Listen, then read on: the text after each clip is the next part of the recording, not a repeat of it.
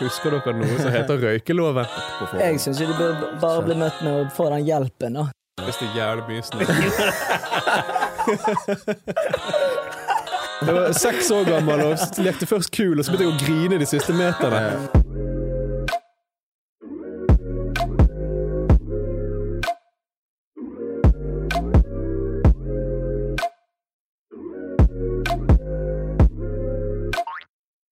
Hallo i luken på duken. Jeg skulle, gjerne, jeg skulle gjerne sagt takk for sist, folkens, men eh, nå har det seg slik at eh, jeg tok ikke del i forrige episode. Så jeg må egentlig nesten bare begynne med å spørre boysa fra Drypp eh, oppe i studio hva som har skjedd den siste perioden. Er dere fornøyd, først og fremst, med forrige episode? Ja, den var jævlig gøy, den. Vi koste oss, eh, vi koste oss der. Kikkan gjorde en god jobb. Ja. Og du var savnet, for vi skulle hatt Jeg dine flauser der. Vi skulle hatt dine flauser der. Det var en gøy episode. Nei, det var digg å ta en liten pause fra det der. Altså. Nei, vi alle trenger den pausen. Ja. Men uh, Nei, vi klarte oss, og Kikkan gjorde en jævlig jævla god jobb. Absolutt. Det skal sies. Det skal Absolutt. sies. Og det var noen ville historier som dere òg eh, ja, kom det frem var til. gøy. Det var gøy. Det Helvete. var en gøy episode. Mye latter. Mye Ja. latter. Mye fingre i rumpen og den type ting. gode, der. jeg har fått mye gode tilbakemeldinger på Ja, den òg, så det, det er alltid kjekt, det. Du da, Fred? Nei, altså dagen går, går i jobb. Jeg, uh, jeg hadde faktisk Det har jeg glemt å si til dere, men jeg hadde en dritkul episode. Jeg pleier alltid å kjøpe mat på Lerøy i lunsjen. Mm. Står jeg der i varmtvanndisken, og så er det en dritfet uh, kid som står der, så sier han sånn Du, er du med i Drypp-kollektivet? Nei. Jeg kødder ikke. Nei. Altså, jeg fikk en sånn Bieber-moment, da.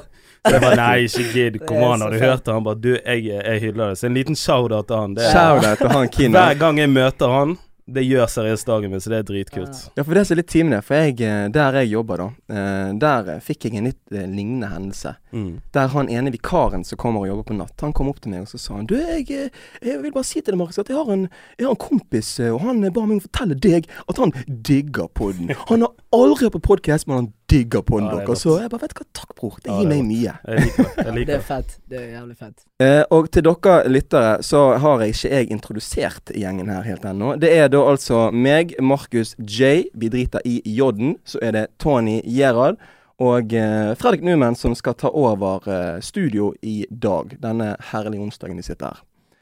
Og i dag så har vi eh, med oss en, eh, en gjest, da.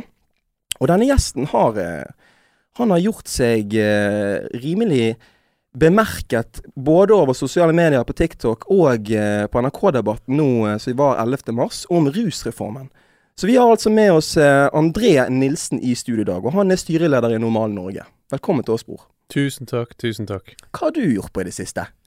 I det siste så har det faktisk vært eh, sinnssykt mye eh, greier.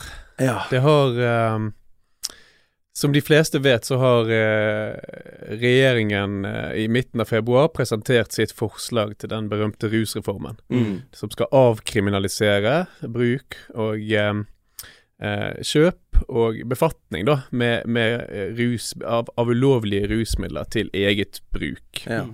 Og rusdebatten har jo vart lenge. Den har pågått i flere år før jeg ble engasjert, men har selvfølgelig tilspisset seg nå de siste ukene og siste månedene. ja. Så det har vært veldig mye. Det har vært mye fokus på det. Det har vært en del eh, mediesaker som Ja. har vært eh, eh, bra å få fram og få belyst der ute. Og så har det vært noen litt mindre hyggelige episoder som vi har bidratt til å rette fokus mot. Og så er det denne rusdebatten som pågår fortsatt, og kommer til å pågå helt fram til det fattes et vedtak, forhåpentligvis før sommeren. Men hvorfor er den debatten så aktuell nå? eh, Jeg vet ikke om du nettopp nevnte det. Men hva er det som gjør at det er så mye omtalt i media i disse dager, og ikke i fjor, f.eks.? Ja, det, det er vel det at nå nærmer vi oss en uh, konklusjon, da. Det er det som på er tingen. om rusreformen blir noe av, og i så, så tilfelle hvordan den vil se ut. Okay. Og eh, som sagt, regjeringen har presentert sitt forslag nå. Den har vært Mm. utredet, det har vært diskutert og debattert, og regjeringen har lyttet til ulike innspill, og så har de kommet med sitt forslag nå. Og så er det jo sånn at regjeringen som sitter nå, den er i mindretall. Ja, ok. De mistet Frp på laget Mm. i Mm. fjor, Mm. rett Ja. før korona, så det føles som ti år siden. Ja, det gjør det. Um, så de er avhengig av støtte fra noen andre partier, da. Ok, Så det er litt sånn politisk spill i dette Ja, også? de trenger støtte fra enten Arbeiderpartiet, Senterpartiet eller Fremskrittspartiet. Ok. Og der kan vi si at Senterpartiet er helt utelukket. Mm. Arbeiderpartiet virker å være delt helt på midten, med Mm. veldig, hva skal jeg si, to markante motpoler. Er to Ja. Og så er det Frp som egentlig ingen egentlig helt vet hva jeg mener. Ok. Fordi at de har vært kritisk til reform, det har de, men de har vært veldig stille de siste ukene òg. Mm. ja. Og det har jo skjedd før at Frp har forhandlet med regjeringen, og, ja. og som har kommet fram til noe bak i kulissene der. Ja. Så det, vi vet ikke hva som kommer til å skje, Mm. men det er veldig spennende. Men har du måttet sette deg mye inn i dette, eh, denne politiske dynamikken, og hvordan den fungerer for å få frem eh, budskapet som du på en måte prøver å få ut, da?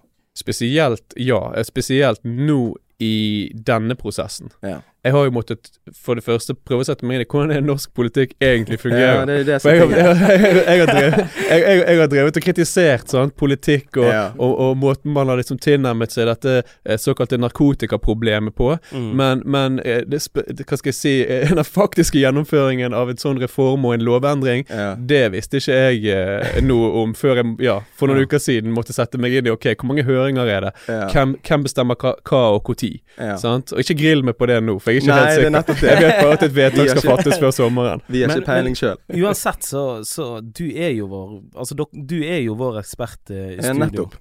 Men eh, når er det den eh, reformen skal tre i kraft? Eller hvi- hvis det slår igjennom, når, når er det snakk om? Er det en dato? Har de satt en dato? Ja, det, det har blitt sagt det at hvis den nå blir i, Altså, hvis den blir vedtatt nå før sommeren, Uh, så vil den tre i kraft fra og med 1.1. neste år. Ok. Ja. Men den endelige avgjørelsen, det var når, sa du? Det vil skje nå før sommeren. Før sommeren. Men ingen, ingen fast dato på det? Nei, ikke ennå. Men, Ok. men hva går den reformen ut på? Ja, det er et godt spørsmål. Ja. For det er en del forvirring der ute. Ja. Og når jeg hørte ordet avkriminalisering første gang for noen år siden, og det ble foreslått, så måtte jeg google. Hva, Ja. hva, hva er det for noe? Sant? Uh, og så er det jo de som er mot reformer, da, gjerne drevet med litt sånn bevisst, hva skal jeg si, uh, forvirring rundt det. Ja. Mm. Avkriminalisering, det er det at vi skal fortsatt ha et forbud, men det skal ikke lenger være straffbart. Det skal ikke være strafferettslig straffbart. Så avkriminalisering betyr ikke å gjøre det lovlig? Nei. Nei. Det betyr ikke å gjøre det lovlig. Og ehm, det har blitt gjort med eksempel Før var det ulovlig, eh, altså det var straffbart, og ehm, juridisk straffbart, Mm. å å feilparkere. Mm. Men det ble avkriminalisert for en del år tilbake. Så nå får du et sivilrettslig gebyr, da, hvis du står feilparkert i byen. Det Ja. der, er, det der er bra resonnement, for det, det, det, det er et bra eksempel. Det er for Mm. meg å få For jeg har aldri skjønt hva som er forskjellen på eh, Altså, når jeg tenker at noe er forbudt, så Mm. må det føre til en straff. Ja. Ja. Ikke sant? Ja. Men den straffen i seg sjøl, ikke en straff i seg sjøl å faktisk få den boten. Jo, ikke Så hva er forskjellen på disse straffene man får, da? Og, og det er òg et veldig godt spørsmål. For uh, sånn som jeg tenker, da, så er det det at hvis du står feilparkert i sentrum, Mm. så kan jo du faktisk utsette andre for en potensiell fare. Mm. Ikke sant? Det kan hindre tilkomst til en brannbil, f.eks. Mm. Så det er viktig at samfunnet sender et sterkt signal om at det er ikke greit. Ja. Og så er det jo denne diskusjonen, da, og der finnes det jo ulike meninger. Der folk mener at det å bruke et ulovlig rusmiddel i seg sjøl er et slags, onde som må straffes. Og så er det folk på, på min side, og meg, da, som mener at det å putte noe i kroppen din som endrer din bevissthet, din sinnstilstand, det er ikke noe som i seg sjøl utsetter andre for fare. Okay, Det, ja. det bør være ditt kropp, ditt ansvar. sant? Mm. Og at det skal være forbudt, er greit, men vi vet at straff skader. Straff stigmatiserer. Mm. Og nå har vi hatt lang tradisjon for å straffe folk som bruker ulovlige rusmidler, sant?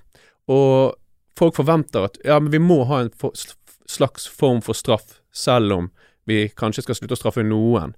Mm. Men så, så et eksempel til da, som jeg syns belyser enda bedre dette med at noe er forbudt, men ikke straffbart. Det er, Jeg vet ikke hvor gammel dere er, men husker dere noe som heter røykeloven? Jeg husker Ja, det. Ja, Jeg ja, hadde en sant? far som røykte på, eh, på Det var den litt tiden sånn halvkøddete, men det var jo stor debatt rundt det, sant? Forby å røyke inne, hva i helvete, sant? Men så ble det forbudt. Og så har ikke vi sett så mange som har fyrt seg opp en sigg på et utested Ja. de siste Jeg vet ikke når det kom, tidlig 2000-tallet. Men har ikke det mye mer med den sosiale stigmaen som har gått rundt det? Det, det, det, har jo, er jo sosiale mekanismer, sant? for Mm. man har informert om helsefarene ved f.eks. passiv røyking. Ja. Sant? Så for, folk har blitt, blitt informert, tilegnet seg kunnskap, og det har på en måte Det har, det har påvirket eh, den atferden i den generelle befolkningen. Mm. Både blant de som blir utsatt for passiv røyking, vil lettere gi beskjed 'hei, du, det der er ikke greit', men jeg tror nok òg at vi skal gi holdt jeg på å si, en del av æren til de som faktisk røyker òg, at de er blitt bevisst på det. Mm. Ja, Det er ikke de fyrer opp hvor som helst, når som helst, for de vet at det er, er, er gjerne ubehagelig for noen enkelte. Godt poeng. Men uh, du blir ikke straffet uh, juridisk hvis du fyrer deg opp en sigg på et utested, f.eks. Du blir bedt om å gå, f.eks. Ja. Mm. Jeg har lyst til å back backtracke litt på det du sa der i sted. Dette er med at sine egne valg med å putte noe i kroppen sin, sant? og at det burde være for hver enkelt, eh, osv. I Norge har vi et system eh, som blir fulgt av eh, den ideologien som kalles eh, parental, parent, parentalisme. Mm. Og her i Norge så har vi noe som heter, sånn som jeg har forstått det, mild parentaliste. Pa parentalisme, for å si det på den måten. Du klarte ikke helt det? Jeg klarte ikke helt å si det, det er vanskelig ord. Men tingen det det går ut på, er at man skal ha eh, fri vilje gå utover. Eh, man skal ta sine egne, egne valg, og man skal bestemme sjøl hva som gjør en sjøl lykkelig. Ja. Men ikke Men- den fair? Den er fair, men tingen er når det er mild, det vil si at man skal Selv om man ikke skal hindre folk å gjøre ting som de mener gjør de lykkelige, da, så skal man fremdeles hindre folk i å hoppe fra Askebroen. Ja. Selv om de har Skjønner du hva jeg mener? Ja, Mm. ja, det blir Ja, helt ja. Det, er- det er den milde formen. I Kina har de en litt hardere form for det. Sant? Da Mm. sveiser de inn eh, folk når det er korona. Sant? For å, det er en hard form for parentalisme. nå. Mm. Tror du det går utover folk sin egen frivillige hvis vi, eh, hvis vi hindrer folk i å kunne ta de drogene som, som er faktisk tilgjengelige for de ute på, eh, ute på gatene? Altså, det er jo det straffepolitikken søker å gjøre. Ja. Sant? Det prøver å sende et signal eh, fra myndighetene om Mm. at eh, dette er en atferd som myndighetene ikke aksepterer, Mm. og som de vil slå hardt ned på. Ja. Sant? Og så er det jo Da må vi gjerne eh, De sier at straff Altså, de, de lærde eh, sier det at straff i et opplyst demokrati må kunne begrunnes. Mm. Sant? Det må være et grunnlag for det. Og eh, nå har du prøvd å se på om straff egentlig fungerer på den måten, da. Er det avskrekkende? Mm. Forebygger det rusbruk? Og hvis jeg blir tatt for, uh, la oss si, cannabisbruk, vil det da hindre meg fra å bruke det igjen? Mm. Og, og, og den tilgjengelige kunnskapen vi har om straff mot ulovlig rusbruk i Norge, og i Ja. egentlig mange andre samfunn òg, det er at straffepolitikk og, og bruk i samfunnet på, på gruppe- og individnivå, det, det har egentlig ikke så mye å si. Nei. Vi har sett på store studier der man har gjort, uh, innført strengere straffer.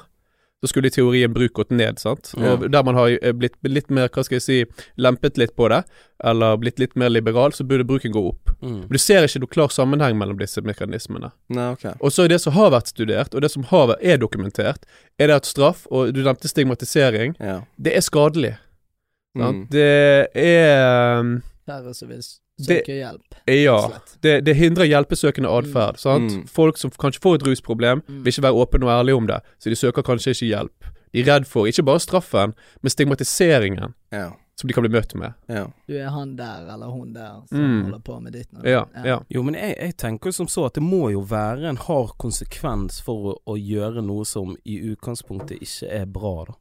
Men fra, Men må, ja, ok, hva er konsekvensen for de som f.eks. har lyst til å ta sitt eget liv, da? Det er jo en ganske kjip ting som går utover kun de. Ja, men samtidig så er det sånn Det går Det jo ikke, ting, Det går ikke ikke kun utover de. Det, det, for jeg tenker på Tenk på familien rundt det. Tenk på alt helsevesenet som blir rundt det. Disse her må, som, som må rydde opp i. Altså det at en person tar sitt liv i dag, er ganske belastende for et samfunn. Ja. Men det er også ganske belastende for, uh, for familien og de etterlatte. Mm. Og det er derfor jeg spør dette, burde ikke de ha fått en konsekvens på lik linje som dette her med rusreformen? Jo, Eh. men det det, og det er det jeg mener at Sånn som når vi snakker om denne rusreformen i dag, da, så tenker jeg at ok, det, det kan godt være at det eh, er greit på noen måter for de som bruker det, men tenk for en far eller en mor eller en storebror eller en Mm. storesøster, så ville ikke jeg at mine kids eller mine søsken skulle følt at det var ok å, å bære større mengder eller mindre mengder, eller noen mengder i det hele tatt, uten å få en hard konsekvens for det. Men er den konsekvensen, burde den være å, å kriminalisere disse menneskene som i utgangspunktet søker hjelp, eller Nettopp. trenger hjelp på jeg forhånd? syns jo de bør Ah, bare bli møtt med å få den hjelpen, da. Ja. Hvis det var Altså, jeg skjønner det at du- det er jo ingen som ønsker at søsken eller datter eller Altså guttungen sin skal ruse seg, men Mm. hvis det er, er reelt, og det er det som skjer, så er jo det bedre å prøve å møte dem og hjelpe dem, Absolutt. Altså, fremfor å faktisk straffe dem, som kan føre til at Altså, det kan jo føre til at de føler seg jævla pinlig over den straffen Mm. igjen, sant. Ja, ja, helt de- klart. Som er den sosiale stigmaen som vi For nettopp snakket om. eksempel, Mm, det er sant. et Og, godt poeng. og da blir det liksom verre for vedkommende. Mm, Jeg syns mm. det er en, eh, en, en eh, relevant bekymring du, du reiser, for det Mm. er mange som deler den bekymringen. Mm. Mm. Og vi må ikke glemme det at vi har hatt den samme tilnærmingen til disse problemene i flere tiår. Mm. Sant? Vi har fått det inn med morsmelken at dette må slås ned på. Mm. Og det har våre foreldre og deres foreldre og vi. Mm. Sant? Og kanskje òg de som er yngre nå, selv om vi ser kanskje noen endrede holdninger der i tråd med teknologisk utvikling og internett de siste 10-20. Men, men eh, det er absolutt reelt. Men vi må se litt på hvordan vi tilnærmer oss de som driver med annen atferd som kan være skadelig for de. Mm. Eh, og, og hvordan vi møter folk som, som du er inne på, som er, driver med f.eks. selvskading. Ja. Mm. Sant? Og, Mm. og et, et annet eksempel som jeg pleier å trekke fram, er jo dette med at hva gjør vi med unge i dag som bruker alkohol? Mm. Det er ingen lov i Norge som forbyr unge mindreårige å bruke alkohol. Mm. Det som er forbudt, er å kjøpe og selge. Men en 16-åring Ja, og drikke offentlig. Ja, å drikke offentlig. Ja, men det gjelder for alle. sant? Det er ikke aldersbestemt. Men um, hvis en 16-åring drikker alkohol, så blir ikke de kjørt på politistasjonen av politiet hvis de er overstadig beruset. De blir kanskje kjørt hjem. Og er de unge nok, så vil man koble på noen hjelpeapparater. Sant? Sende en bekymringsmelding, f.eks. Hvis du har en 13-åring som politiet ser på grisefyller hver helg, så blir det kanskje sendt en bekymringsmelding til foreldre etter hvert, så kan barnevernet kobles inn, og, og, og så Mm. videre. Og det er på en måte øh, Det er den tilnærmingen vi har med alkohol. Alkohol er jo ganske potensielt skadelig rusmiddel. Det, Mm. det er ett av de mest skadelige. Og så må jeg bare si en siste ting. Det vil få konsekvenser. Uh, avkriminalisering betyr fortsatt forbudt. Og selv om det har blitt definert noen terskelverdier for hva som skal kalles for en brukerdose, så er det fortsatt sånn at hvis politiet tar deg med to gram kokain, så vil de ta fra deg de to grammene med kokain. Mm. Og de vil ilegge deg å møte opp til en nemnd som skal da tilby deg hjelp. Og hvis ikke du møter der, så kan du få ja, et forelegg på nærmere Jeg husker ikke om det var 3000 eller 4000 kroner, men det er ganske, Ja. Mm. ganske, ganske solid sum. Men bare for å skyte en, en siste ting nå. eh, Altså, akkurat det du sier der, André, så, så er det aldersbestemte forskjeller, ikke sant? Og det som jeg syns er skummelt i dag, det er at i dag så putter vi to, to alder, eller to ulike mennesker i samme bås. Vi sier at en hardt bruker ganger rundt med to ganger kokain. Og vi sier at en ungdom på 14 år eller 13 år kan gå rundt med kokain. Mm. Det er der jeg syns problemet ligger. Ja. Mm.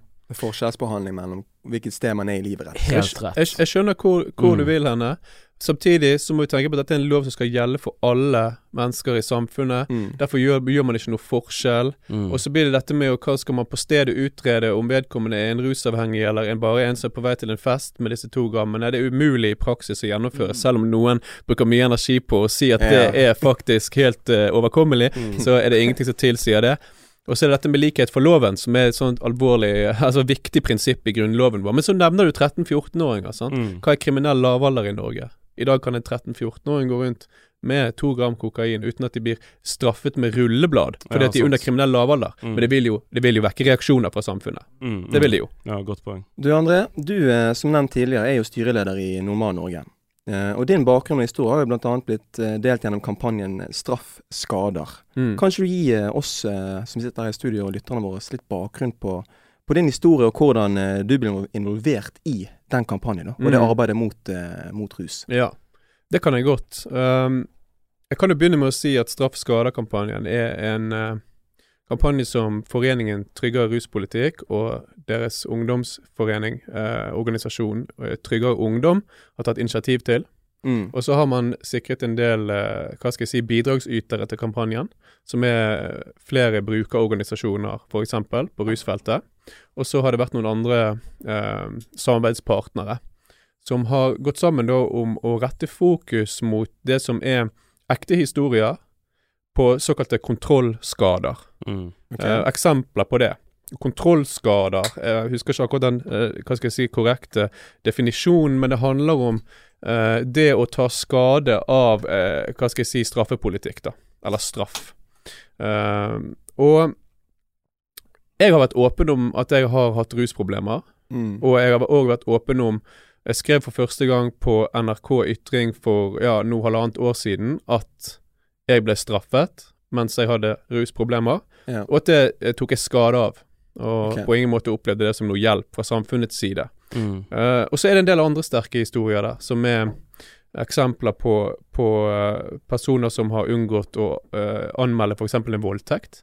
Fordi at man har uh, brukt et ulovlig rusmiddel mens Ja. det skjedde. Mm. Å, Man har noen som har tatt livet av seg sjøl etter de ble tatt og straffet for å ha brukt cannabis. Mm. Falt i dyp depresjon og valgte, ja, tragisk nok å ende sitt eget liv Mm. som følge av uh, tapte fremtidsutsikter.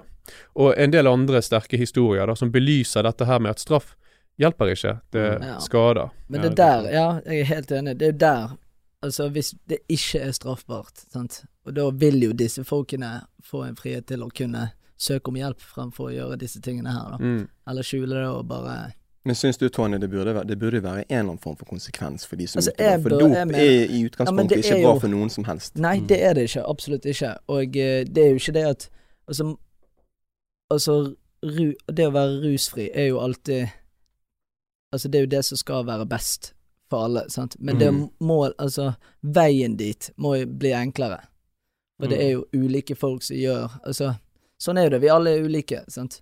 Ja. Og folk bruker jo det ene og det andre for å regulere på følelsene sine, Ja. gjerne. Skjønner du? Ja. Og målet skal jo være å være rusfri. ja. Men hvis man blir straffet hver gang, så, så det er flere historier der folk gjerne skal eh, Hvordan skal jeg si det? Eh, Det er flere historier der folk har lyst til å Bli rusfrie. bli rusfrie, Ja, sant? Men så vet ikke Men de også, hvordan. ja, de vet ikke hvordan, Ja, ja, sant? er Og så er det liksom gjerne de Altså, så ja, Jeg har en historie der det var en venninne av meg som hadde foreldre som gjerne brukte rus, da. Så Mm. klarte de ikke å Og så hun, han ble, hun ble stra, Faren ble straffet, Mm. Og så kom han ut igjen. Så gjorde han akkurat det samme, men han Mm. trengte egentlig bare hjelp. Ja, Det er det hun hun er sier. godt. Skjønner du hva Ja, jeg mener? Han trengte kun hjelp. Mm. Han fikk ikke den hjelpen. Mm. Fordi han gjorde jo alltid noe kriminelt, da, gjerne. Mm. Mm. Så det er liksom Det det der Ja, ja. Hjelpen er det viktigste fremfor å straffe, da. Og så tenker jeg det er viktig å, å, å, belyse at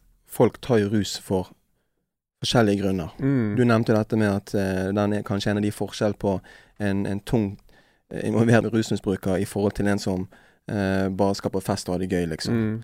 Eh, men du hadde jo Du ble jo tatt eh, faktisk av politiet og var i en lik hendelse eller situasjon Mm. tilbake i 2015. Kan du fortelle litt om, eh, om hva som skjedde akkurat der, og hva som ledet opp til det?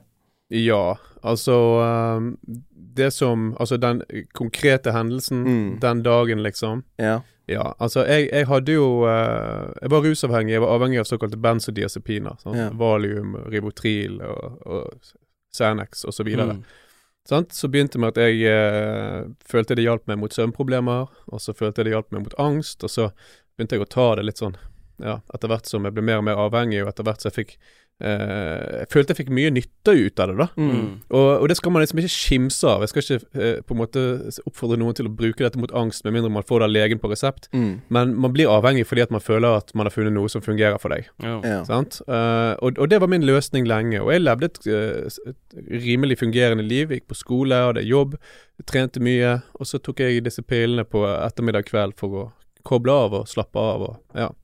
Eh, men så, så ble jo da rusavhengigheten gradvis verre, og det er jo sammensatte grunner til det. Jeg har litt sånn ADHD-tendenser.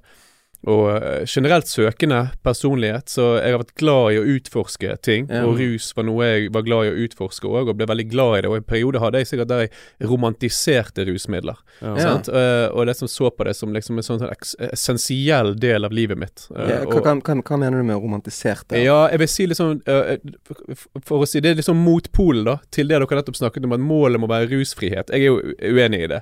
Vi sitter jo ofte og koser oss med en pils og tar et glass vin, Ja. sant? og det men det er per, definisjon ikke rusfri. Ja.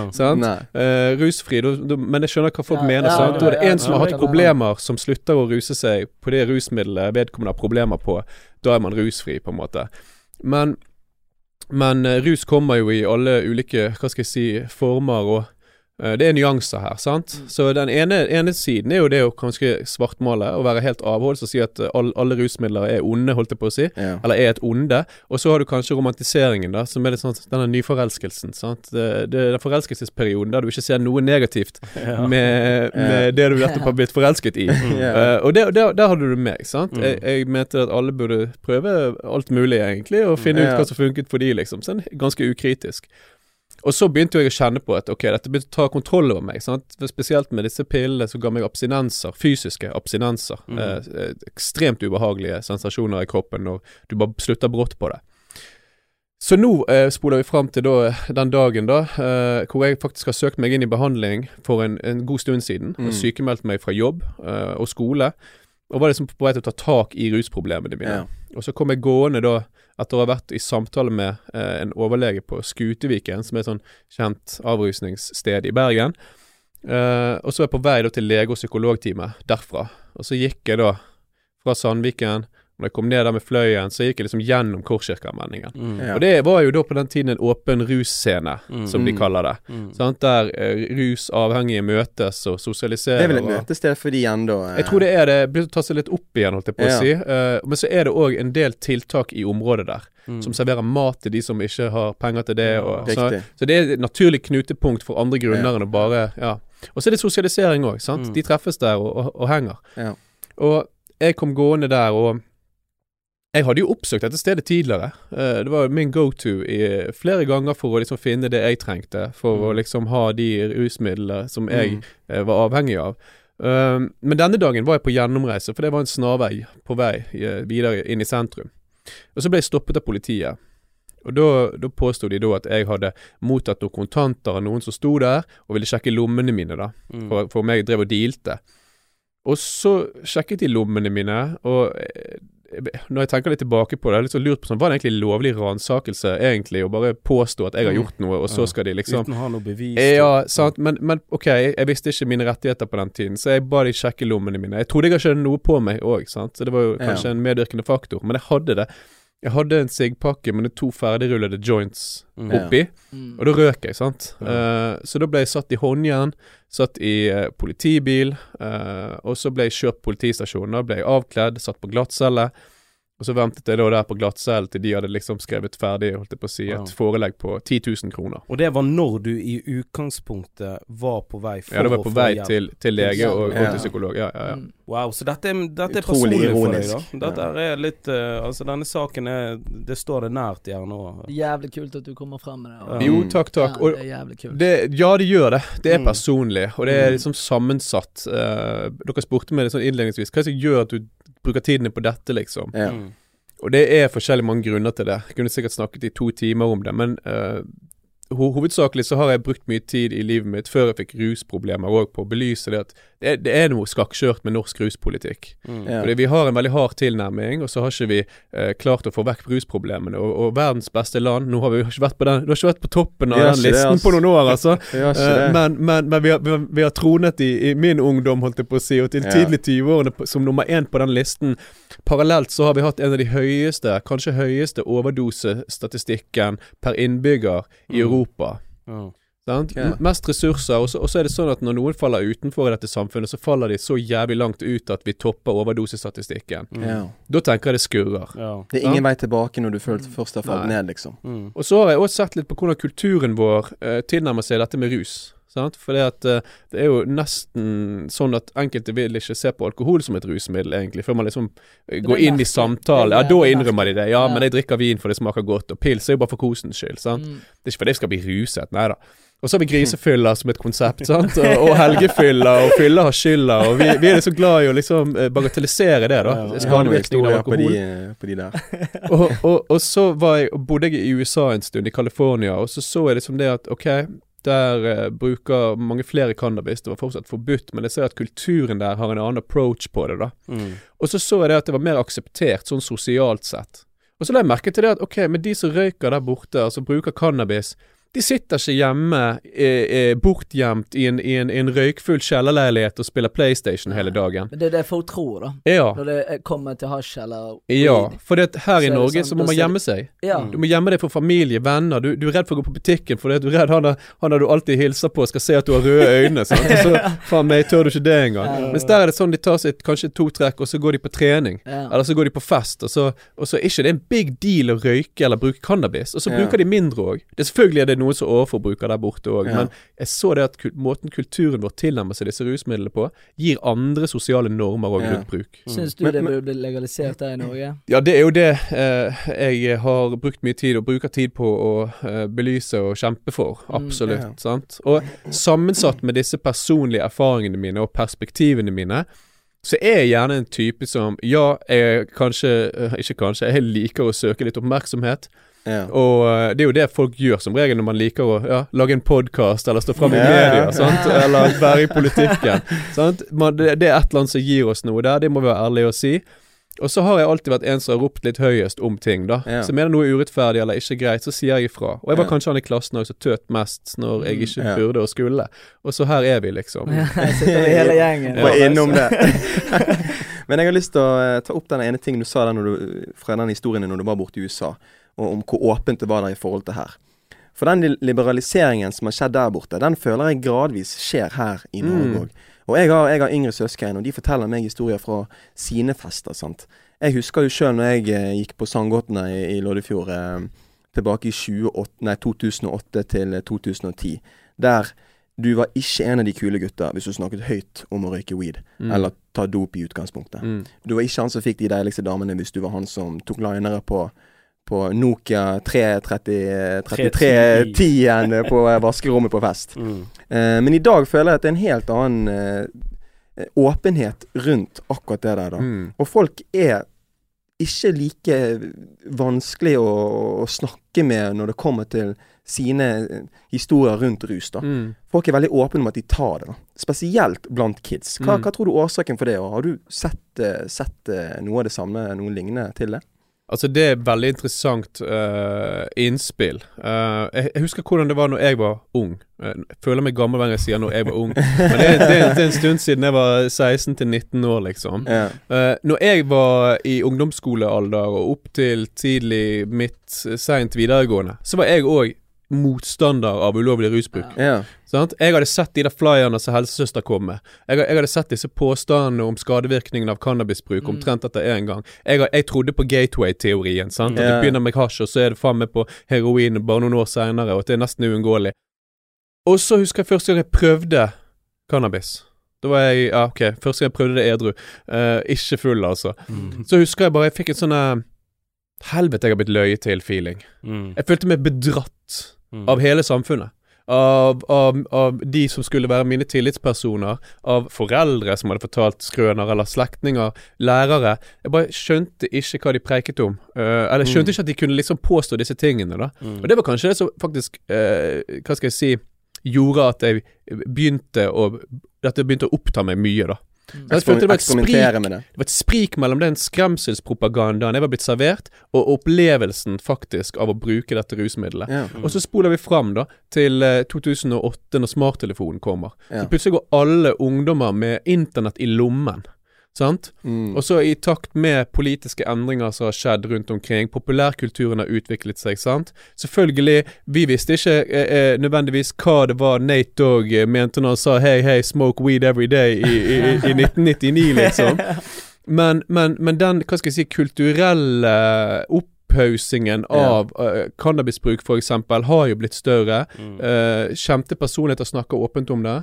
Og så ser du òg i mediebildet, f.eks. i Netflix-serier, jeg har lagt merke til mye i det siste, at hovedkarakterene kan sitte og ta seg en joint mens de preiker, Mm. og istedenfor å drikke en øl. Mm. Og så handler ikke plottet litt om at de bruker weed eller bruker cannabis engang. Det er bare noe de gjør. men, Mm. men, Så det blir normalisert. men er ikke det òg en form for propaganda, da? Ja. Det, det, det kan du si hvis, du har på, hvis vi har på oss disse her brillene som er straffepolitikk og uh, den stigmatiseringen. Sant? Så, oi, Mm. her, for hva er det motsatte av stigmatisering? Sant? Det er, er vel kanskje normalisering, det. Ja. Sant? Men er det så farlig å normalisere noe Mm. Er, er det så farlig at vi, at vi skaper rom for å ha en åpen samtale og ærlig samtale om Ikke noe som allerede foregår? Ikke det helt. Jeg tenker at det bare reflekterer over hvordan samfunnet faktisk ser ut i dag. Ja. Og Og, det, det, og det er ikke en propaganda for hva man burde gjøre eller ikke burde gjøre. Det er bare rett og slett sånn det er per dags dato. Det er jo der jeg føler igjen de som er imot det, da, er veldig gammeldags og ikke har et innblikk på det. Altså, Ja. Hvis du ser faktisk hva som foregår rundt De har ikke blitt eksponert for det, for den samme Ja, Jo, men jeg, jeg føler altså sånn Jeg husker da jeg var liten, og hvis jeg spiste snø, så kunne min mor si sånn Du kan ikke spise snø, Du får makk. Ja, ja, jeg fikk den Altså samme. Altså skremselspropaganda. Men Mm. hva førte det til? Det førte til at jeg ikke spiste så jævla mye snø. jeg spiste jævlig mye snø. jeg har laget en TikTok om den skremselspropagandaen. Det der med makk i ræven er bullshit. Nei, men selvfølgelig. Vi, vi, kan, ikke, vi kan liksom ikke vi, vi, vi, vi, vi kan ikke si liksom at det ene eller det andre er sånn enten-eller. Mm. Sant? Det kan vi ikke si. Men, men hvis vi zoomer litt ut, da, og så ser vi at ok, cannabisbruk og normalisering av det har vært en trend. Det FHI har sluppet nye tall nå, at den har vært økende blant unge siden 2011. Sant? Og at den ser ut til å øke fremover. er, Uavhengig av hva vi gjør nå. for det er mye unge i fokus. Det er jo det, og det er selvfølgelig Det Det er er, jo alltid ungdommen man skulle Ja, redde med disse ved, i, i tiltakene. Sant? Mm. Og det er, det er alltid kommet fra en god intensjon om å redusere noe som potensielt kan være skadelig. Og jeg med mine rusliberale holdninger for noen, er alltid òg veldig obs på å si, spesielt til unge følgere, sant, som spør meg personlig, og som jeg snakker til når jeg f.eks. er eh, foran en forsamling, så sier jeg at jeg oppfordrer ingen unge til å bruke et rusmiddel før man er voksen og gjerne ferdig utviklet, inkludert alkohol, inkludert nikotin. Mm. Uansett. Mm. Sant? Ja, Men jeg ønsker det at de som fortsatt gjør det, skal kunne komme til meg hvis jeg blir far en gang, eller jeg har en relasjon med de eller ikke. Jeg skal kunne si 'vet du hva, jeg gjorde det', og, og, og, men nå begynner jeg å miste litt kontroll. Hva skal jeg gjøre? Mm. Uten å frykte at, jeg, at meg eller samfunnet skal slå ned på de på noen som helst Mm. måte. Godt poeng. Godt poeng. Ja. Og så, og så vil jeg bare skyte inn det der med at eh, ja, de unge i dag de har kunnskapen tilgjengelig på mobilen. sant? Og selvfølgelig finnes det propaganda. Det finnes jo pro-cannabis-propaganda der ute, det skal jeg ikke si noe på. Mm. Uh, men, men det finnes òg mye skremselspropaganda, og det, og det er et enkelt Google-søk unna å avkrefte den. Mm. Og nå, nå lanserte jo myndighetene i fjor eh, Jeg må bare tenke nå, for det går så i surr dette koronaåret. Holdt jeg på å si at Jeg vet ikke hva som er fjor eller år Det eller noe lenger. vi er i 2020 ennå. Ja. Men, men, men greiene er at myndighetene lanserte det de kaller for, kalte for Weeden-senteret. Har dere hørt om det? Nei. Bent Høie gikk ut i januar og februar, eller februar i fjor og, og sa det vi har drevet skremselspropaganda rundt cannabis blant unge i, i lang tid, og det har ikke fungert. Sånn, vi ser en økende trend. Så nå har Helsedirektoratet, på beskjed eller ordre fra Høie, Høie da, eh, lansert eh, nettsiden weedensenteret.no. W-e-e-d-e. Det er sånn ordspill på Vitensenteret. Mm. Weedensenteret, som gir helt sånn nøytral informasjon om cannabis. Bruk, ulike typer og uh, potensielle skadevirkninger. Mm. Og, og selv om jeg mener da at de kanskje er litt sånn hissige på å komme med enkelte påstander om at det kan føre til psykiske problemer, eh, eller uh, sy kan gi psykose, for det er, det er litt mer sammenhengende, forskningen der, hvis dere vil, vil, så kan jeg gå litt inn på det etterpå. Hvem tar skade av bruk, liksom? Mm. Mm. Men, men alt i alt en veldig god side. Mm. Alt i alt veldig nøytral, og det står ikke noe sånn der 'Kjenner du en som bruker cannabis?' Her er hurtignummer til politiet, liksom. Den er Ja, fri sant. for sånt. Okay, Ja. ja. Så han skal informere, og vet hvem er målgruppen? Det er interessant. Det er 13 til 15-åringer. Ja. Mm. Og dette er helsemyndighetene i Norge. ja. Men, da, men da jobber de med informering, og det syns jeg er bra. Mm. Det synes jeg er bra. Ja. Mm. Nei, men eh, folkens, vi må egentlig eh, litt grann videre til neste spalte, neste del av denne episoden. For vi har eh, fått uh, tilsendt noen spørsmål. Vi har vært litt uh, hissige på grøten, har ikke fått inn uh, disse spørsmålene i form av uh, eh, Hva skal jeg kalle det? Opptak, Ja, det som vi har det. fått tidligere. Mm. Så jeg skal rett og slett bare ta og lese opp disse spørsmålene som vi har fått i DMs-ene våre og på våre diverse kanaler eh, eh, innenfor Drypp og innom det. Så første spørsmål er da altså Tror du politiet vil klare å holde en annen holdning til rusmisbrukere i bymiljøet, til tross for rusreformen? Du tenker på hvordan de vil møte de hvis den blir innført? Ja, hvis den blir Ja. innført. Altså, det har jo skjedd holdningsendringer i samfunnet vårt, både fra på, hva skal jeg si, i befolkningen. Sant? Det er jo en grunn til at til og med de som er motstandere av en reell rusreform, eh, mener at vi skal slutte å straffe de som er avhengige. Sant? På, på den tiden jeg ble tatt, så var det jo faktisk en storoffensiv fra byrådet om å jage vekk alle fra, by, fra bykjernen. Mm. Sant? Ble du tatt for narkotikalovbrudd, så ble du bortvist sant? I, et døgn eller to med, med et forelegg. Og, så de holdningene er i endring, men jeg, Ja. jeg tror jo absolutt det at når politiet ikke lenger skal bruke energi altså på å si på å se etter hvem de skal straffe, så vil jo hjelpefokuset stå mer i, i fokus. Sant? Ja. For det er det som er tilnærmingen. Så absolutt tror jeg det, og jeg tror det vil bli lettere å, å være åpen også med politiet om eventuelle rusproblemer da, hvis man vet at det ikke lurer en sånn straff- og stigmatrussel over deg. Men igjen så var jo du faktisk en av de eh, i den situasjonen du var i der du ble tatt. Sånn som du nevnte i sted at de kan ikke ha sett deg eh, ta imot noe penger, for du gjorde ikke det. Allikevel valgte de å ransjekke deg, liksom. Mm. Det forteller meg at kanskje uansett hvilken reform det kommer til å bli, tatt i, kommer til å bli iverksatt, så kommer de fremdeles til å sjekke folk og gjøre sin egen greie. Mm. Tror ikke du det? Det, det som er greien, da, og det er ganske interessant uh, innspill det der, for det at uh, jeg ble nok tatt den dagen fordi de var begynt å kjenne meg igjen. Mm. Okay. Og ja, okay. jeg har jo litt sånn babyface, og kanskje de tror det var mye yngre Det er mye yngre enn det jeg egentlig er. Han Det er ikke ungdommen må vi redde. Og så har de òg, både på hva skal jeg si, etatnivå, men òg på individnivå, lært seg at hvis, vi, hvis politiet tar deg, så er det en form for hjelp. Sant? Da, da sender vi signaler om, om, om at dette er uakseptabelt, og, da, og du må gjøre en endring. Mm. Så at de tok meg den dagen, var nok litt fordi de kjente meg igjen. Jeg, jeg var en typisk holdt jeg på å si BI-student i eh, lenge, jeg som bare eh, fløy gjennom der, både der og i Nygårdsparken. Jeg ble aldri stoppet av noen. Og Nei. jeg kunne se på folk bli arrestert omtrent ved siden av meg uten at jeg, noen uh, hvilte et eneste øye på meg. Mm. For at jeg passet ikke den typiske profilen. Ja, sant? sant. Ja. Blir det rusreform, uh, når den trer i kraft, så vil jo personer som blir tatt for ulovlige rusmidler, bli møtt på en annen måte. Bli møtt med mer verdighet. Politiet vil gjerne konfiskere rusmiddelet. Det er viktig å få fram. Sant? De skal fortsatt ta det fra deg, med mindre de ser at det er en, det er sånn For det er fortsatt ulovlig. Ja, men skal, hvis de tar en person som har, har heroin på seg, som, som er heroinavhengig, så kan de faktisk la det gå. Fordi at hvis det da er fare for en gjentagelse av lovbruddet, så, så er ikke det vits i. sant? Mm. Og de kan bli syke og ty til kriminalitet for å skaffe mer. så er det måten de, politiet møter deg på, da. Sant? Og Ja. der er jo det er blitt gjerne bedre. Mm. Og, det, og det vil nok bli bedre. Og generasjonsskifte, sant. Og ja. For det er mye eldre som var mye mer autoritær, men nå, de som er yngre politibetjente, er veldig mye mer Altså, de er veldig klar over hvordan de skal møte enkelte, da. Mm. Mm. Og det er veldig positivt. Mm. Enig. Da eh, hopper jeg videre på eh, neste spørsmål, folkens. Og det er da Tror du ungdom i dag misforstår informasjonen rundt reformen, og at dette vil føre til høyere statistikk på rus blant unge? Og dette husker jeg var faktisk et noe noenlunde eh, samme spørsmål du fikk eh, under debatten. Mm. Altså Da må jeg svare som jeg gjorde i debatten. At Ja, ja, Vi har ikke noe forskning som tilsier at det er tilfellet at avkriminalisering vil føre til økt bruk. Sant?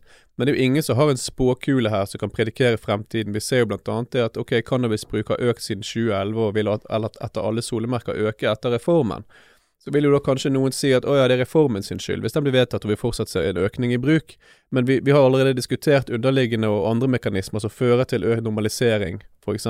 Men kan ikke man se på hvordan det går i disse andre landene, der det ikke bare er mer liberalt rundt rus og eh, de tingene der, men der det faktisk er lovlig, sånn som Mm. i Canada. Ja. Canada er jo det faktisk lov å røyke x antall gram. Der har de legalisert, Legalisert, sant? Og, og det, eh, før jeg svarer på det, så vil jeg bare si at det, de som er motstandere av rusreformen, både blant politiet og andre politikere og andre interesseorganisasjoner, har bidratt mye til å forvirre rundt dette. De har kalt det legalisering konsekvent, Mm. selv om de vet at det Propaganda. er ikke det det er. Og det er Mm. litt sånn antireformpropaganda, ja, som Mm. er vanskelig. Så hvis noen er blitt forvirret, så er det faktisk de som er mest bekymret for ungdommen Ja. sin skyld, at ungdommen blir forvirret. Mm. Men når du nevner legalisering, da, eh, så har du sett i Canada at bruk blant mindreårige 12-17 år, den har stagnert. Har han Den har ikke gått opp.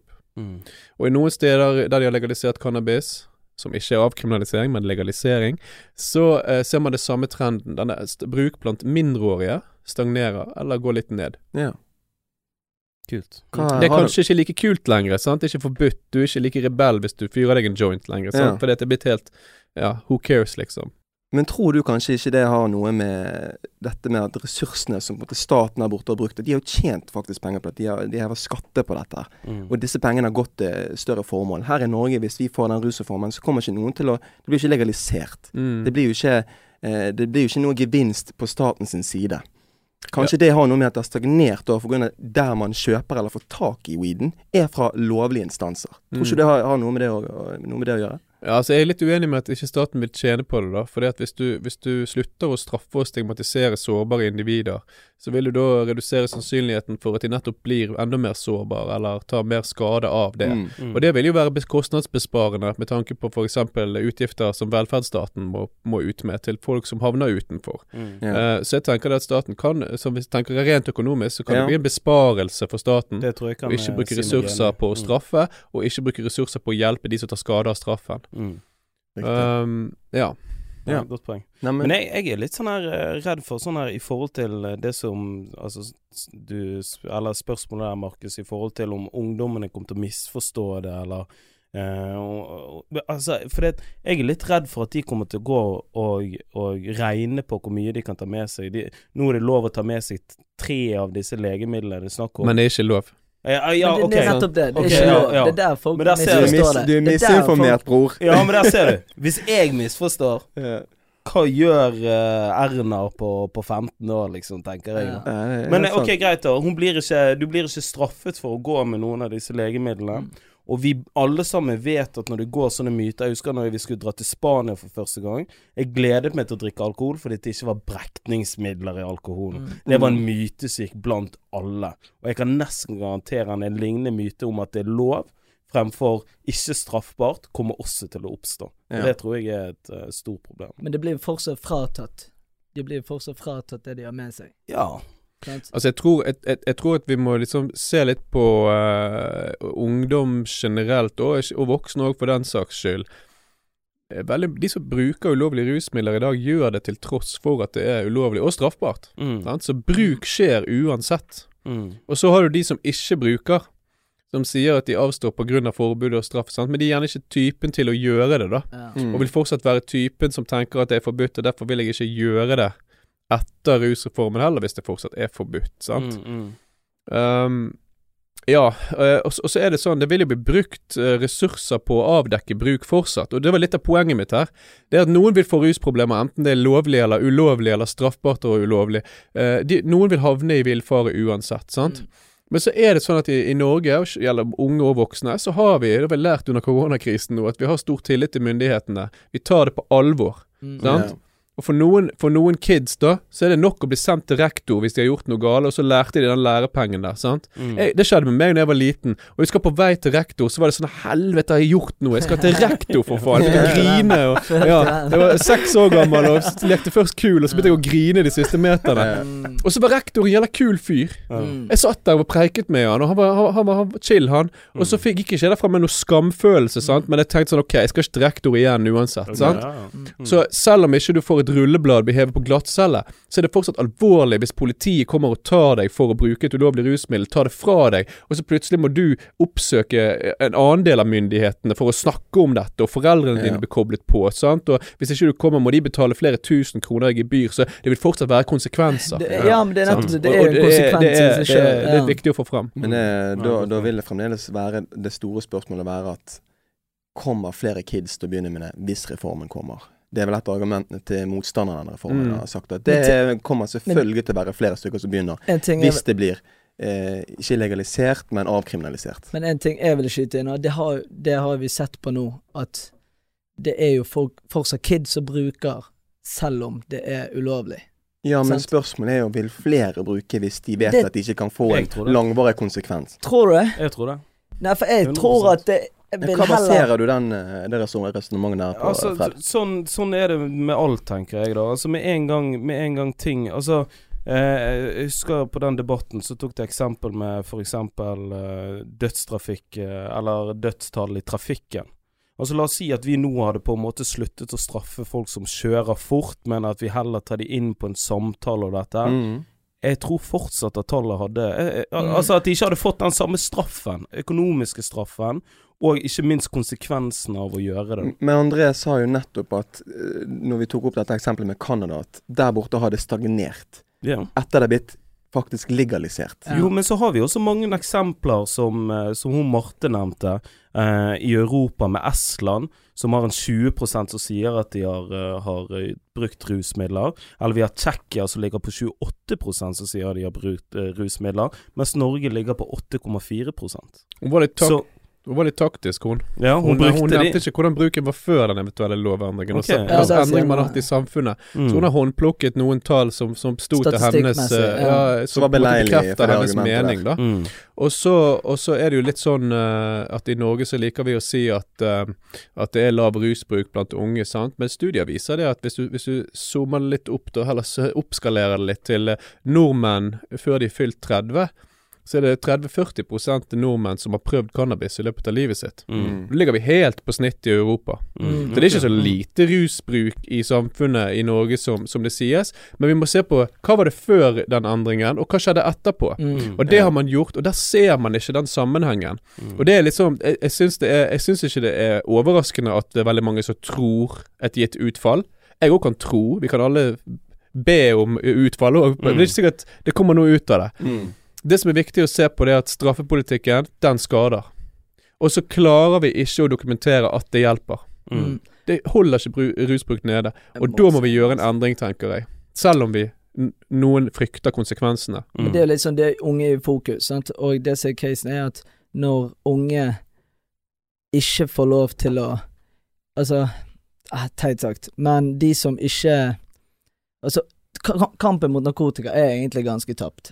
Hvis ikke vi hjelper dem. Men jeg tror vi skal videre til siste spørsmål her, og det er da Hva tror du er hovedforskjellen mellom rusmisbruk blant unge i dag i forhold til rusmisbruk hos unge for 10-15 år siden? Ser du en forskjell? Jeg føler vi var egentlig litt innom den uh, i sted. Mm. Føler vi eh, kanskje har dekket det, men du kan jo kanskje ta en liten oppsummering på hva du faktisk tror på det, da. Altså, jeg, jeg tror vi ser en større åpenhet Mm. blant unge enn en, en før i tiden, holdt jeg på å si. Mm. Og jeg tror òg vi ser, eller vi vet jo at vi ser en økning i aksept for bruk, og en uff... eh, Hva skal jeg si um, Liberalisering av Ja, du, du kan si det. Altså, jeg husker det ble stor oppstandelse når en av gutta i Skam tok seg en joint i en episode der, og det ble ikke gjort noe skremsel ut av det. Mm. Sant? Og det fikk Mm. Skam mye kritikk for å normalisere bruk. Mm. Det, det som jeg føler er viktig å få fram her, eh, det, det er det at eh, ingen oppfordrer til å bruke rusmidler når man er ung. Mm. Ja, ingen oppegående, i hvert fall. Eh, men det skjer. Og det vi vet om, om de som bruker det, er at det går bra med de aller fleste. Mm. Det går bra med de aller fleste. Og de som bruker mye når de er veldig unge, altså veldig tidlig i tenårene f.eks., de scorer gjerne høyere på sannsynlighet for underliggende sårbarhet for psykiske problemer, psykiske lidelser, har blitt utsatt for kanskje for traumer, Mm. og har andre hva skal jeg si, utfordringer i livet sitt. Mm. Og det er disse vi må fange opp. Enig. Det er Mm. bra du trekker Og, frem. og, og, og, og, og så er det sånn at dette representerer kanskje én av to av ti som f.eks. prøver cannabis i løpet av et ungt liv. Mm. Sant? I, I løpet av tenårene, f.eks. Ja, du har noe statistikk på dette? Ja. ja. Okay. Uh, sant? Eh, generelt i befolkningen så er det ca. én av ti som står i fare for å bli avhengig. Og som jeg sa, hvis du begynner når du er 12-13, så øker det 12-13-14-15, så øker det kanskje til 1 2 av 10. Mm. Sant? Og resten går det greit med. Og skal vi da bruke ressurser på å fange da kanskje 80-90% av de som eh, ikke får problemer uansett, og gi de problemer bare fordi at vi skal sende, sende et budskap til de som bruker eller kommer til å bruke, Mm. det er jeg helt uenig i. Mm. Og så vet jo vi òg, som dere snakket om før vi gikk i gang med episoden, at dette forbudet her, og straffen Ikke forbudet, nå sa jeg feil. Straffepolitikken rammer skeivt. Den rammer de med minst ressurser i samfunnet. Mm. Og de med minst ressurser har òg høyere sannsynlighet for å få problemer med rusmidler. Mm. Og hvis du da slipper et kriminelt stempel på en 16-åring som er i faresonen, som er i gråsonen, da kan det være det blir identiteten til den unge gutten Ja. eller unge jenten. Ja. Nei, men det synes jeg er Helt enig. Ja. Mye bedre at vi hjelper de enn å, enn å stemple de som kriminelle. 100%. 100 100 Mm. Hver dag i uken. Folkens, da eh, er vi faktisk på vei inn i eh, siste spalte, siste del av eh, episoden. Og det er rett, rett og slett reflekteringsdelen, som jeg liker å kalle det. Ja. Der vi egentlig går litt gjennom hva vi har preket om. Eh, prøver å finne, få en konklusjon ut av eh, det vi har snakket om. Eh, men før jeg hopper inn på det, så har jeg et spørsmål til deg, Tony. Og jeg vet ikke hvor mye du i utgangspunktet, før vi kom inn her i studio i dag, hvor mye du har satt deg inn i rusreformen og rusreformdebatten. Men eh, du jobber jo som spesialpedagog med barn. Eh, så spørsmålet jeg egentlig har til deg, hadde det vært merkbart for deg om noen av ungdommene hadde blitt utsatt for dop? Hvis f.eks. en av ungdommene hadde blitt tatt med 500 gram med katt, eller 20 gram med sopp, mens de var på skolen, som faktisk er den limiten eh, som rusreformen sier. Ja, ja, Nei, altså Hver dag i uken så vil jo jeg prøve å hjelpe de ut av den situasjonen. ja. Og eh, skape tillit, det er jo Og omsorg overfor de gjerne, da. Og prøve å hjelpe de ut. Og vi må jo ta det som et team i skolen. Selvfølgelig. Og det er det Sant. du personlig ville gjort. Ja. Men, men hvordan måtte du ha tatt stilling til det på et profesjonelt nivå? Nei, da må jeg Altså, for min del så er det å liksom stille opp, høre de ut, og høre hvorfor de gjør dette, og hva som Om de har noe underliggende, om det er Altså, jeg må jo bare være en støttespiller. Ja. 100% Men, men, men hvis denne rusreformen går gjennom, så er jo det Hvis du holder deg under, er det under grensen, i- så, er er, jo så, er ikke, så, er ikke det, så er ikke det politiet man da kan ta kontakt med, Ja. sånn som det har vært til nå. Hvem er det du tar kontakt med da? Ja, det er Altså, en jeg, jeg, jeg må jo Altså, jeg har jo en sjef over meg igjen, sant. Mm. Så jeg må jo ta det med avdelingsleder, så ta det videre med foreldre. Ja. Mm. Og, og så må jo de ta en avgjørelse på om det blir barnevern involvert, eller whatever. Okay. Det har ikke noe på meg å gjøre, men for min del er min Altså, hvis jeg ser vekk ifra alt det her, da, og når jeg står med det enkeltindividet, så må For min del så er det viktigste å skape tillit og prøve å hjelpe denne Altså vedkommende, da. Altså dere har retningslinjer og protokoller Uansett, dere må uansett, følge. Uansett, sant. Det har jo vi. Vi har jo alle har jo det, sant. Men uh, Endres de nå hvis den reformen går gjennom, eller blir det, det den vet samme? jo jeg ingenting om, Nei. sant. Altså, det Mest blir sannsynlig. Ja, da blir det nye Ja. regler igjen, sant. Vet du noe om, eh, noe om det, André? men uansett så er det ikke lov å ha det med på skolen. Nei. Ingenting Det er blir en lov å ha med på konsekvens skolen. Selvfølgelig. Det er Mm. ingenting som lover med på skolen. Snus ikke lover med på skolen engang. Mm. Men vet du om det blir en endring i hvordan man skal behandle den situasjonen hvis f.eks. Tony hadde tatt en kid med 500 gram katt oppi sekken? Mm. Heldigvis vil det bli en endring. Ja. Grunnen til at jeg sier det, da, eh, og, som sagt, dette er jo et eksempel der man har brutt eh, ikke bare samfunnets regler, men skolereglementet òg, Mm. Ja. har jo da har man myndighet for å gripe inn, sant. Og eh, nå kjenner ikke jeg til eh, hva, hvor mange brukerdoser 500 gram med katt er. Ja, nei, Men hvis en, katt men- Hadde det vært en, opp til eh, Vedum, så hadde det sikkert vært 15 000 brukerdoser. Jeg er allergisk mot katt. Jo, godt være det er det òg, for alt jeg vet. Dessverre. Jeg har ikke innsikt i det, men uh, det ville iallfall gått noen varsellamper sikkert da, sant? Hvis, Ja. hvis uh, en 14-åring eller 15-åring på en ungdomsskole kommer med så mye katt i sekken. Mm. Da er det jo greit å Ja, da er Ja. katten ut av sekken, for å si det sånn. Ja. Men, men, men det som er greien, er jo det at uh, Endringen vil jo være der at politiet blir ikke nødvendigvis koblet inn. Kanskje Nei, blir de det det, det for det er de som skal henvise videre, sant. Men vi har som samfunn alltid hatt denne troen på at politiet skal løse rusproblemene våre. Og politiet gjør en viktig jobb. Sant? Eh, mange misforstår meg og oss med vilje ofte, at vi er som motstandere av politiet. De gjør et uvurderlig arbeid fra dag til dag. Mm. Men når det, når det er sagt, de er ikke pedagoger, de er ikke psykologer, de er ikke psykiatere. Jeg vil heller koble de på hvis en ungdom er i faresonen for å utvikle et rusproblem. Mm. Og så er det en ting til, at samfunnet stiller opp med andre ressurser, som for eksempel veiledning på skolen, utdanningsmuligheter eller andre arbeidsrektede aktiviteter sant, som kan hjelpe på. For dette er ting som holder problematisk rusbruk nede. Det å ha en meningsfull hverdag. Ja.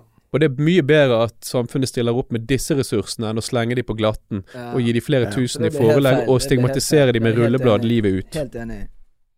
Avslutningsvis da, boys. Fred, hvordan stiller du deg til eh, rusreformen? Nei, altså Jeg har jo vært litt sånn underleggende Litt sånn skeptisk til det, men samtidig så, så syns jeg det er noe fint, eh, fint med det. For det som, jeg, det som jeg liker, det er at det som har blitt gjort til nå, det fungerer ikke. Så en eller annen erning, endring, må skje. Det er Det er jeg er ting som jeg liker som kommer godt frem. Akkurat dette med å skape tillit og det å hjelpe fremfor å straffe, det liker jeg. 100 Ja. Men uh, hele, hele biten fortsatt litt usikker. Du da, Tony? Nei, jeg er Altså Jeg vil bare møte og hjelpe til, da. Altså, Ja. Sånn som den pedagogiske siden av meg vil bare møte dem med tillit, omsorg, hjelpe dem i Ja. tidlig fase, og syns flere Altså, det burde vært mer rom for å kunne snakke om det Ja. enn det det er nå. For Ja. det er ikke det nå. For nå er det liksom sånn ah, jævla junkie, eller altså Du røyker pott. Ja. Skjønner du? Det er liksom Det er wack. sant? Mm. Du må liksom Ja. Altså normalisere det at du har et problem, jeg skal hjelpe deg ut av det. Skjønner du? ja. Fremfor å Nei, for det er det jeg egentlig litt eh, sitter igjen med nå etter å snakke med deg, André, som eh, nevnt tidligere er eksperten vår i studio her i dag. mm, Og det at eh, vi er kanskje si, veldig uenig i veien til å få en, finne en bedre løsning. men en bedre løsning må vi finne uansett. Enig. Eh, og det ser vi at det er veldig mange som er enig i, eh, både i Stortinget og eh, i samfunnet. Så jeg tenker jeg gir siste ordet til deg, André. Hva, hva håper du vil skje nå til neste år? Håper du denne reformen vil gå gjennom, og tror du han kommer til å gå gjennom? Jeg håper han kommer til å gå gjennom, uten tvil. Jeg mm. mener det vil være et, et lite, men veldig viktig steg i riktig retning når det gjelder uh, vårt samfunns evne til å møte rusrelaterte problemer, eller problemer relatert til bruk av Mm. ulovlige rusmidler, og ikke minst brukere på. Ja. Så det er for meg helt soleklart. Mm. Og så uh, mener jeg at debatten slutter ikke der. Sant? Det, det handler om at uh, vi må fortsatt diskutere videre, og denne reformen her er ikke prikkfri, eller feilfri, holdt jeg på å si. Og, eh, og så er det viktig å, å ha fokus på videre hvordan kan man hjelpe de som er, får problemer med, med ulovlige rusmidler, på best mulig måte. Mm. Mm. Ja, veldig bra. Mm. Nei, men Da har jeg egentlig bare lyst til å si takk til deg, eh, André, som gadd å eh, stille opp her i, i studioet vårt. Eh, fikk faktisk frem noe ganske fornuftige ting i denne podden, Mm. i motsetning til de siste to eh, episodene vi har hatt. Må ha en god blanding. vi må ha en god blanding. Det er jævlig kult det du holder på med. Ja. Kult at du har delt den storyen. Og 100 og, sitter det i lys, enkelt og greit. Tusen takk. Så vi, takk. er- vi er veldig fornøyd med, med denne episoden her. Og jeg håper dere eh, som sitter der hjemme, eller hvor enn dere er, ble fornøyd og er fornøyd med ikke bare denne episoden, men innom det generelt. For vi kommer til å gå gjennom mange ulike temaer fremover, og vi kommer til å eh, preike mye om eh, forskjellige ting som beveger seg rundt i samfunnet. Så ta gjerne og eh, følg oss på diverse sosiale medier. Send inn spørsmål, forslag til temaer på DMs. Vi tar stilling til de, og vi svarer dere faktisk når dere sender det. Så eh, med det har jeg bare lyst til å si eh, siste ordet til deg, Fred. Hvordan skal vi avslutte denne episoden? Nei, jeg tenker at vi må avslutte den eh, samme som vi startet den. Falleralla dydla. Dudli-di og eh, hei sann hopp sann. Vi sjekk ut kunsten til eh, Kunsten av eh, André på Hans Holmos gatehjørne. Det er jævlig kult. Okay. Det kunsten, det visste jeg ikke om. Jeg må bare si jo takk, men den, den pisen der er rettet til en annen historie i straffskader. Den er mye okay. samlik min egen. Ja, okay. Og FK har rettet til Oscar, som gjenopplever traumer når han blir strippet og satt på glatten for cannabisbruk. Uh, men selvfølgelig, det retter fokus mot kampanjen jeg var med på, så tusen takk for det. Og jeg, Mm. ja, alle må sjekke ut straffskader.no. Sjekk det ut. Straffskader.no. The Snakes. det er tidlig vi fikk inn den etter jeg har sagt de snakkes med. du kunne ikke komme nærmere ett minutt før. Nei, men du vet jo i Ja, men jeg sa vi skulle avslutte. Nei, men Det er digg, det. Mainstream. mainstream mainstream mainstream mainstream